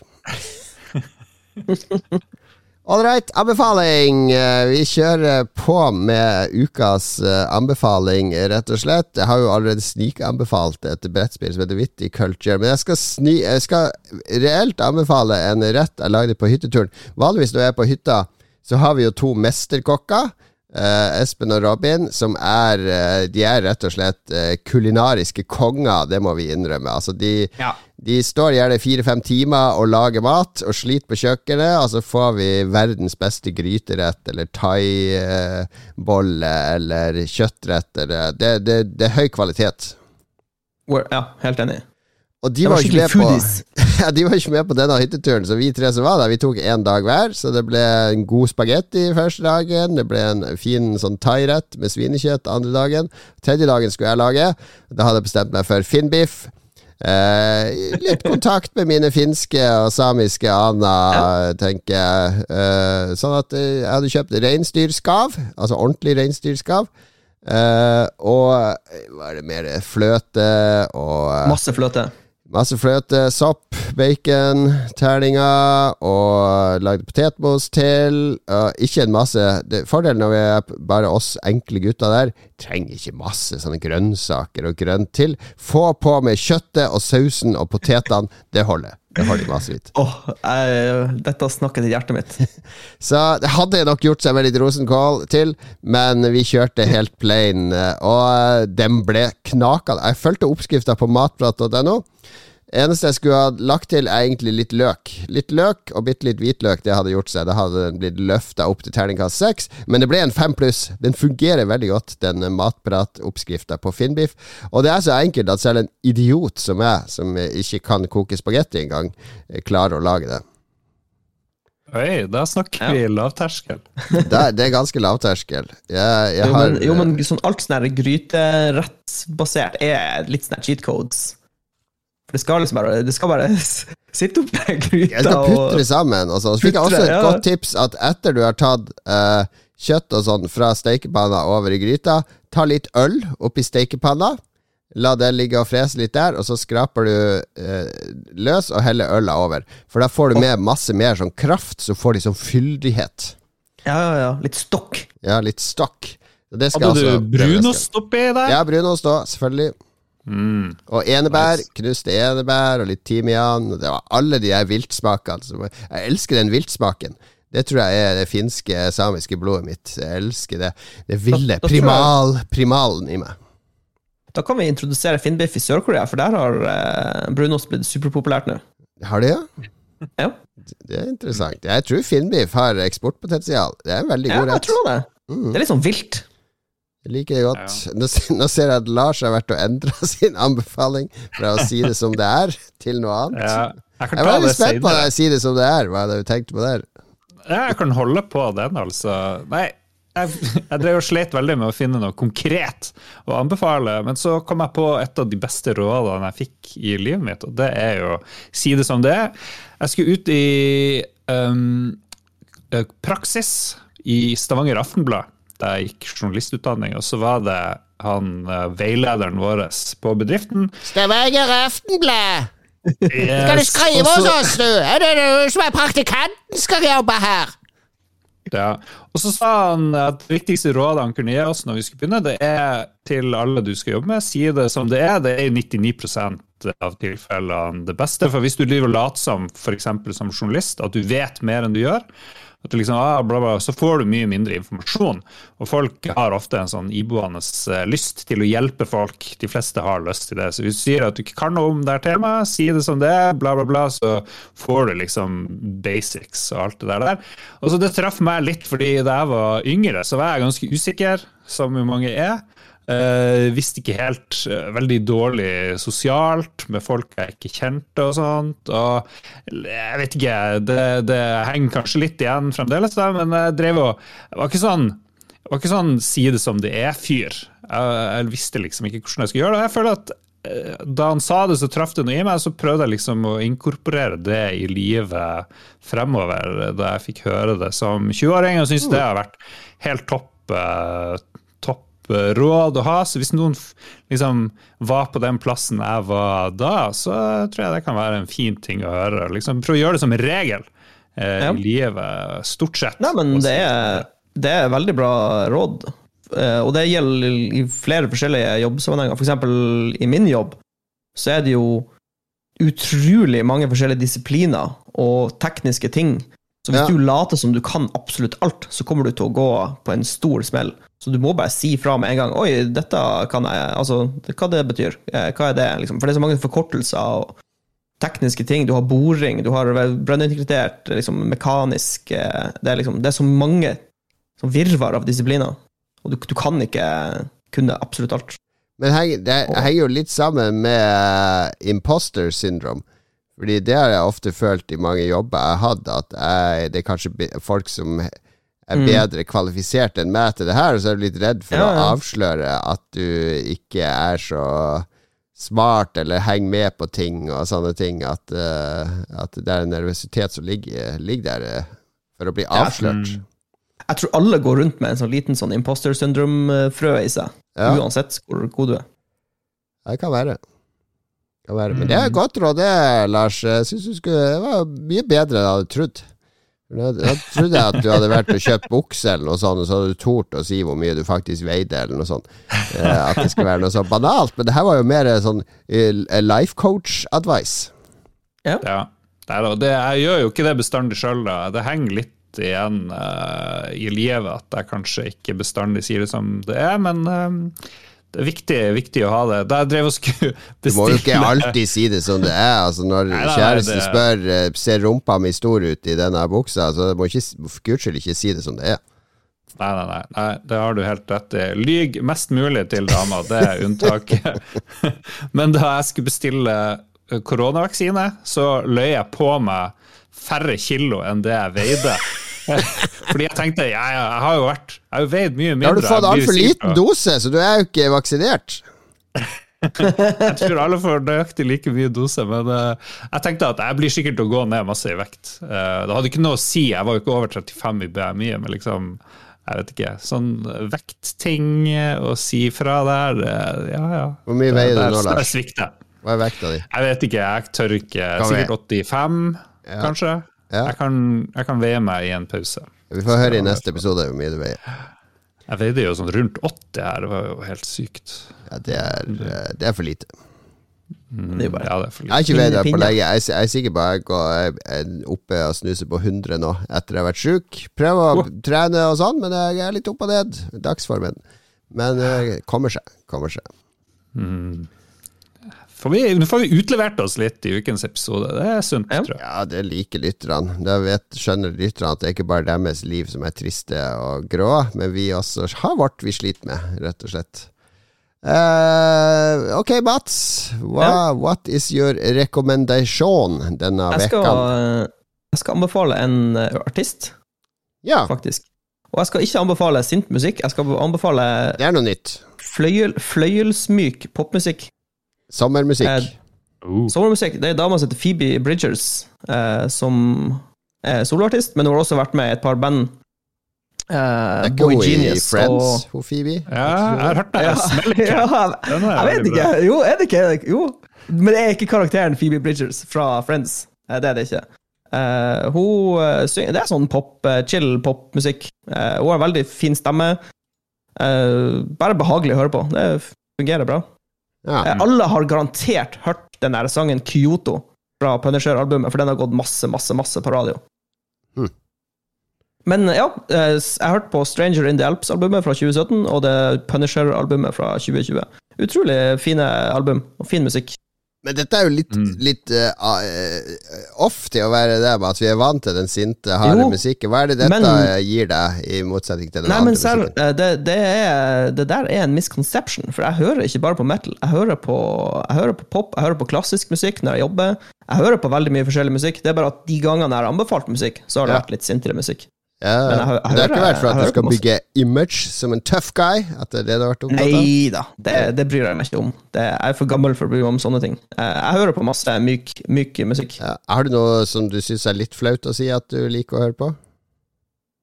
Uh, på musikkverden Justin Bieber eller noe sånt? Sånn der Ja, Justin Bieber liker jeg. Jeg, jeg må si jeg, jeg liker ikke sånn eh, eh, Det er ikke all pop jeg liker. Eh, Spesielt ikke Nei, men Nå snakker jeg om pop du liker, men som du er flau over å si at du liker. Altså sånn guilty nei, pleasure. det nei det er ikke, ikke på musikkfronten. Da står jeg stolt for det jeg hører på. Nei. Jeg kan høre på Taylor Swift. Jeg syns Taylor Swift er konge, liksom. Det er ikke flaut. Ja, men det, du du scora bra på selvtillitstesten, så det her er bare bevis Ja. på det. Du har selvtillit også når Ja. det gjelder musikk. Nei, men som sagt, hvis du Det er sikkert mange som Altså, alle har hørt den ene sangen hennes, Kyoto, på radioen. Det, det garanterer jeg. Ja. Eh, Men albumene er veldig bra. De to albumene jeg har hørt på, da. Så hvis du, ja, hvis du er ute etter litt eh, smooth eh, popmusikk med ei dame som har veldig fin stemme, så sjekk ut Phoebe Bridgers. Phoebe Bridgers, du kan høre på det mens du lager finnbiff, eh, og mens du spiser finnbiff med familien din, så si det som det er. Si hvor mye du veier, si hva du egentlig føler om din mor, din far, din søster og din bror. Da blir det garantert en lykkelig sommer.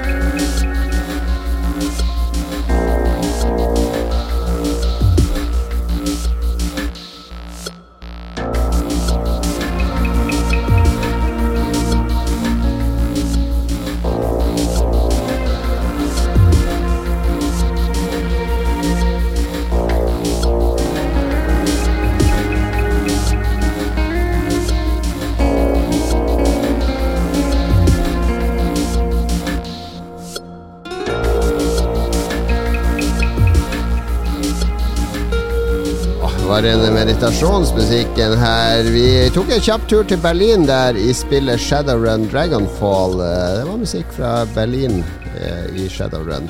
Et eh, herlig lite rollespill, egentlig. Et fantastisk spill, faktisk. Jeg likte det veldig godt. Vi er kommet til lytterspalten. Vi må vel copy-paste eller gå på Facebook, for det er bare jeg som jobber i Lolbua, vet du. Det er bare jeg som putter ting eh, inn i sendeskjeva. Uh, Maser litt på de andre, og så ja. Vi kan, vi kan gå på Facebook, slipper vi å copy-paste. Vi går rett Fuck på. Facebook. Får vi betalt for å reklamere for Facebook? Nei, gjør vi det? Burde Burde vi? Ok, vi går til uh, Nei, Vi må jo nesten si hvor folk kan møte oss. Ja. Lolbua Entourage er jo der vi kommuniserer mest Ja. med folk, og discorden vår. Den er bra. Ja, Discorden vår eh, anbefales. Den er veldig aktiv. Vi har kanaler for nesten alle temaer du kan tenke deg om. Vi er til og med Vi er det eneste spillpodkastet som tør å ha en kanal for politikk.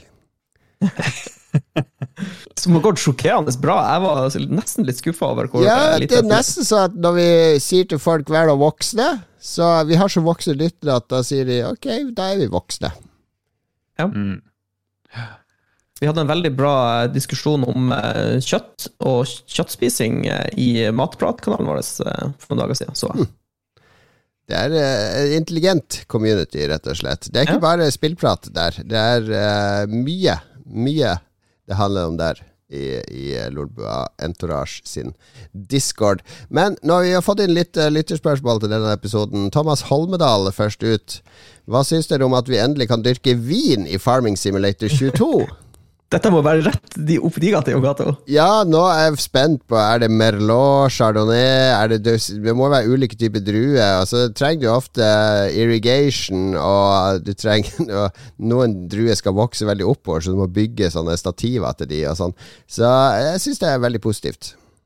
Men jeg må innrømme, når jeg tenker som vingård, så ser jeg liksom ikke for meg de her store traktorene og alle de her maskinene som du har i vanlig eh, gårdsbruk.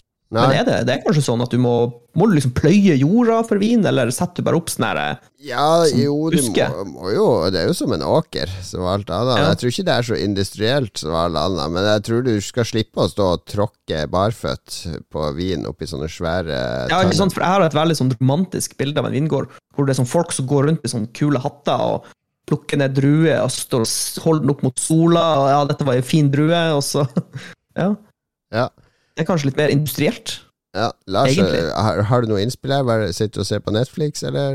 Mm. Nei, jeg måtte jo google det her uh, opplegget. Så um, Grapes can be used to make wine, but, but since the sim has to keep its E-rating, it's going to be used to make in-game grape juice. Så jeg er litt sånn usikker på Herre Jesus kan- Kristus, da kan de brenne. Boikott det spillet, da. For guds skyld. Men ok, hvis et spill har everyone-ratinga, så kan du ikke ha alkohol med i spillet i det hele tatt? Er, Er det en ting? på bilferie med barna i Toskana, altså Hold for øynene, barna, nå kjører vi forbi en vingård! Jesus Christ, hvor mye overformynderi skal det være her? Ja, det er skuff. Megaskuff. Megaskuff. Død over Farming Simulator. Ja, skal vi se Tom, Tom Wilhelm Ja, Mats. Han lurer på hva blir Funcom Romania sitt neste spill? Oh, godt spørsmål. Funcom Romania! Jeg var ikke klar over at Funcom hadde etablert eh, avdeling der. Jo, de har utvida nå. De er i utvidelsesfase. Penger fra Tencent eh, får utvida, så Jeg vet ikke om Romania skal lage et eget spill, eller om de skal oh. støtte opp under eh, resten. Jeg, jeg, husker, jeg husker jeg leste en nyhet eh, for lenge siden om at Funcom skulle lage et spill, et Dune-spill, som skulle komme ut med filmen. Altså, eh, har dere hørt noe om det? Ja, det- er det helt eh, Det er et Dune-spill på gang. De Ja. jobba ganske lenge. Kanskje er det Romania? Nei, det er de i Oslo. ah ja, det er hoved, hoved, ja. hovedgjengen. Ja.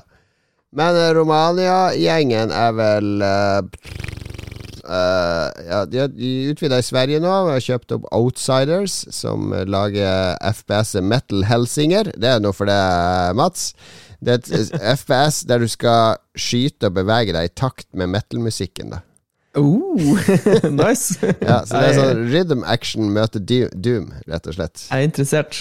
Ja, det er Fedcom eier de nå, og så har de uh, også gått inn i De skal bygge et nytt studio i Romania, i Bucarest.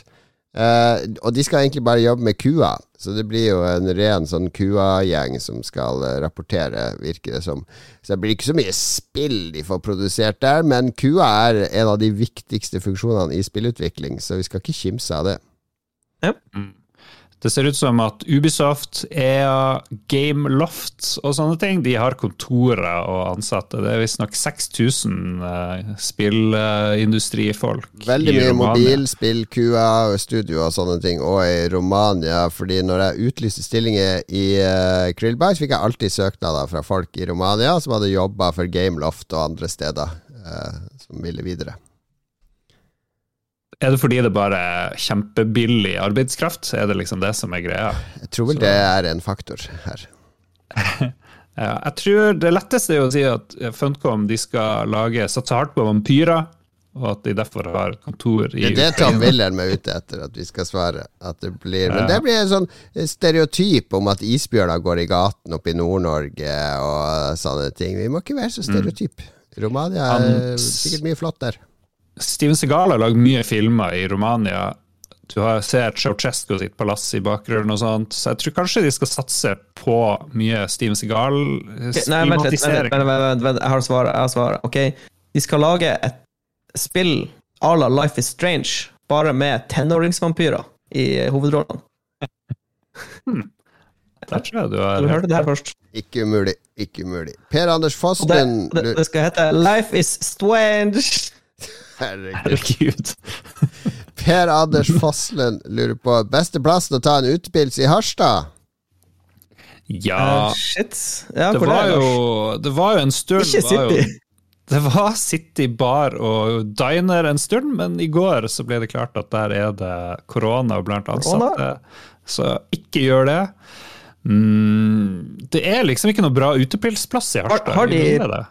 Og For de har vel ikke pils på havnepaviljongen? For der er det jo fint å sitte ute. Eh, det er usikkert. Kanskje det er havnepaviljongen. hvis de har øl på havnepaviljongen, så vil jeg si det. For der er det fint å sitte. Da kan du se utover fjorden, og så høre på måsen og kose deg. Jeg vet Absolutt. hva det beste plassen er. Du tar med deg en sixpack, drar opp til Heggenveien 23, ringer på, og så terrassen til Lars. Åh, ja, der, der har vi Det er det beste stedet, ikke To sant, streker under Lars? svaret. Alle, alle som hører det her, er velkommen til å ringe på med en sixpack. Selvfølgelig. Eller to. Det er jo besteplassen. Og det var ikke så outa nå, for i motsetning til Mats, så har jo du både eh, telefonnummer og adresse i Du er telefonkatalogen. offentlig person, Lars. Bare å svotte meg dag og natt. Ikke gjør det. Don't, don't do it. Cato Hofsøy vil at vi skal snakke med og om Slangen fra Harstad. Slangen fra Harstad har uttrykt ønske om å være med. Jeg tror vi bare sier det. Vi skal få Slangen. Harstads store sosiale mediekjendis. Oppsøk han på Instagram. Det er et eventyr. Do it. Uh, Bjørn Bjelland, hvordan går det med planen til Lars? Han vil ha en oppdatering. Ja, hele planen er klippet, men rett etter at jeg var ferdig å klippe, så måtte jeg begynne på nytt. Det har jeg ikke gjort, fordi det har grodd så mye i mellomtida. Det tok jo en uke å klippe planen min, så det Du har begynt å gro bak deg når du har kommet frem på andre ja, ja, ja. Og noen ting gror mye fortere enn andre. Det er noen sånn gressorter som bare gror vilt. Ja, du, har, du har ganske mye ugress, Lars. Det bør nevnes. Hæ? Er det det, det? Ja. Eh, og så har han, han Lars er veldig uheldig, for han har en nabo som er helt insane på kustus på planen sin. Så når du liksom står og ser bort til sida, ja, der er naboen til Lars med bare den helt absurde pene plenen og masse blomster, alt er stelt og fint. Og så ser du på Lars sin plen, så ser det ut som helvete på jord. Men det er jo ikke så ille, egentlig. Det er bare at naboen hans får det til å se sånn ut. Ja, Så han Lars er litt mye- uheldig. Han er litt er uheldig med naboene ugress. sine, rett og slett. er det. Åh, Yes. Torbjørn Preus Skau eh, lurer på hvordan skal man ta for seg svermene av russelaks, pukkellaks og stillehavslaks som nå flommer over Øst-Finnmark og invaderer elven? Ble satt ut på Cola av Sovjet på 50-tallet, men kommer nå på titusentall. Den lever bare to år, den blir 1-3 kilo, eh, den står med utløpet en stund, og så går den opp for å gyte, og samtidig så råtner den innad, og derpå dør etter endt spåning. For hans del så fisker han et lass og filetere, og da smaker den digg som sjørøya og laksen før den går opp i elva. Bør den gjøres om til næring som kongekrabbe, eller teppebombes? Holy shit, for et teknisk fiskespørsmål. Det var altfor mye innsikt om uh, fisk, uh, fiskens økologiske system til at jeg føler vi, eh, Jeg sier det som er det det- er. Det her kan jeg ikke dritt om. Mitt spørsmål er, kan dette gjøres om til en sexindustri? Er fisken stor nok for det? En til tre til kilo. Det hørtes smått ut. Det er jo for barn, da. Ja, der ja. vi lar den henge. Vi lar den henge. Si det som det er. Det er ikke alltid si det som det er. Men at de råtner innvendig, det syns jeg var veldig grafisk. Sånn zombiefisk som kommer Ja. hoppende opp elva. Herregud. Jeg, jeg kan, dette er et ukjent emne for meg, beklager. Ja. Det hørtes skummelt ut, syns jeg. Vi tar siste lytterspørsmål eh, denne gang. Er han Kevin Alexander Aas. Hvilket dyr representerer dere best? Ja, det er jo lett å gå til dovendyr. Eh, litt sånn confused. Jeg liker også panda. Veldig slit med livet, liksom, av og til, men høyt skatta og verdsatt. Slit med livet? jeg- Altså Mener du at pandaen er sånn depressiv? Suicidal? Ja, De har jo store problemer med å formere seg, akkurat som meg. De sitter og tygger på sånn her dårlig mat. Det gir dem nesten ingen næring.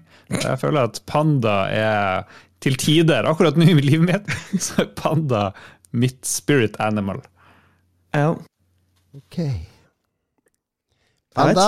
Lars sitt, uh, Mats? Jeg har lyst til å si eh, grønlandshai, for den kan bli sånn 500 år gammel, og det er mine ambisjoner. Grønlandshai. Vet du hva, For tida føler jeg meg litt som en sånn skilpadde. Jeg blir gamlere og gamlere og tregere og tregere i stort sett alt jeg gjør, så jeg går for skilpadde, rett og slett. Ja. Galapagos-skilpadde. En Galapagos, det, det, det er Ja. Det er vi ved veis ende. Vi må takke Ja, produsenter. Hva er det du vil, Lars? Du har det på jeg syns vi endte liksom på en downer her, så jeg føler vi må, vi må snu det. Ja, men vi har en meget upper her på slutten, for vi har fått en ny produsent. Oi! En som støtter oss med 50 dollar. Han eh, Shant59 eh, har Oi, eh, oi, oi. slengt seg inn. Han har fått feriepenger, tydeligvis, og valgt å bruke de på oss av en eller annen grunn. Men det blir vi veldig glad for, Shant59. Uh, herlig at du er med. Og vi må jo takke resten av produsentene òg med det samme. Anne-Beth, Duke Jarlsberg, Jarle Pedersen, Kenneth. uh, aka Korakar, og Stian Skjerven, TTMXMP. Og selvfølgelig vår mann på Vinmonopolet, Øystein Reinertsen. Ja, skal vi dedisere episoden til Kobrakar 84? Det er hans tur. Ja, vi kan godt det. Hva, hva vet du om Kobrakar 84? Han er født i 1884, og han er en vampyr. Men han vet det ikke sjøl. Ja. Han er stor fan av GI Joe, det er der navnet kommer fra. For det var stor mellom GI Joe og den onde organisasjonen Cobra, som kjempa mot hverandre.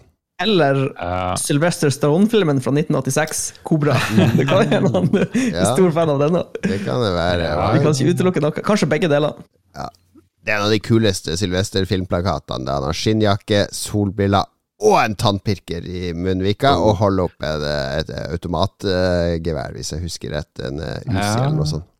Ja. Nei, jeg tror jeg tok feil. Jeg tror ikke Kobrakar er født i 1884. Men han er veldig glad i Sylvester Stallone. Da. Det er veldig bra musikk i kobraspillet på Commodore 64. Husker dere En det? Martin Galway-klassiker. Eh, meget, meget fin. Uh, den jeg, jeg har jo gjort klar musikken på forhånd, så da ble det meget uh, komplisert å få den inn her, så vi får dessverre ikke den inn. Men vet du hvilken låt jeg skal spille nå på slott, slutten? Se om du kjenner den igjen. Her må du vite, Lars. Dette er det kjente spillet Tottego Hamtaro Hai Hamuchans no Hamu Hamu Challenge Atsamare Hai heter, det da, heter dette spillet i min random search på khinsider.com. Så det var for bra tittel til at jeg ikke kunne ta det med. Eh, Jeg har aldri spilt Totoko Hamtaro Hai Hamuchans no Hamu Hamu Challenge Atsamure Hai, men det er sikkert verdt å sjekke ut. Det høres jævlig bra ut. Vi må takke alle patrions òg, ikke Ja. bare produsenter. Ja. Alle Patrion.com slash lolbua. Make it so. Ny Roffelbua kom på søndag. Yes. Nyt den, de som er på Patrion. Og så høres vi igjen om en uke, rett og slett. Eh, Nyt sommeren. Ha det bra. Ta vare på hverandre.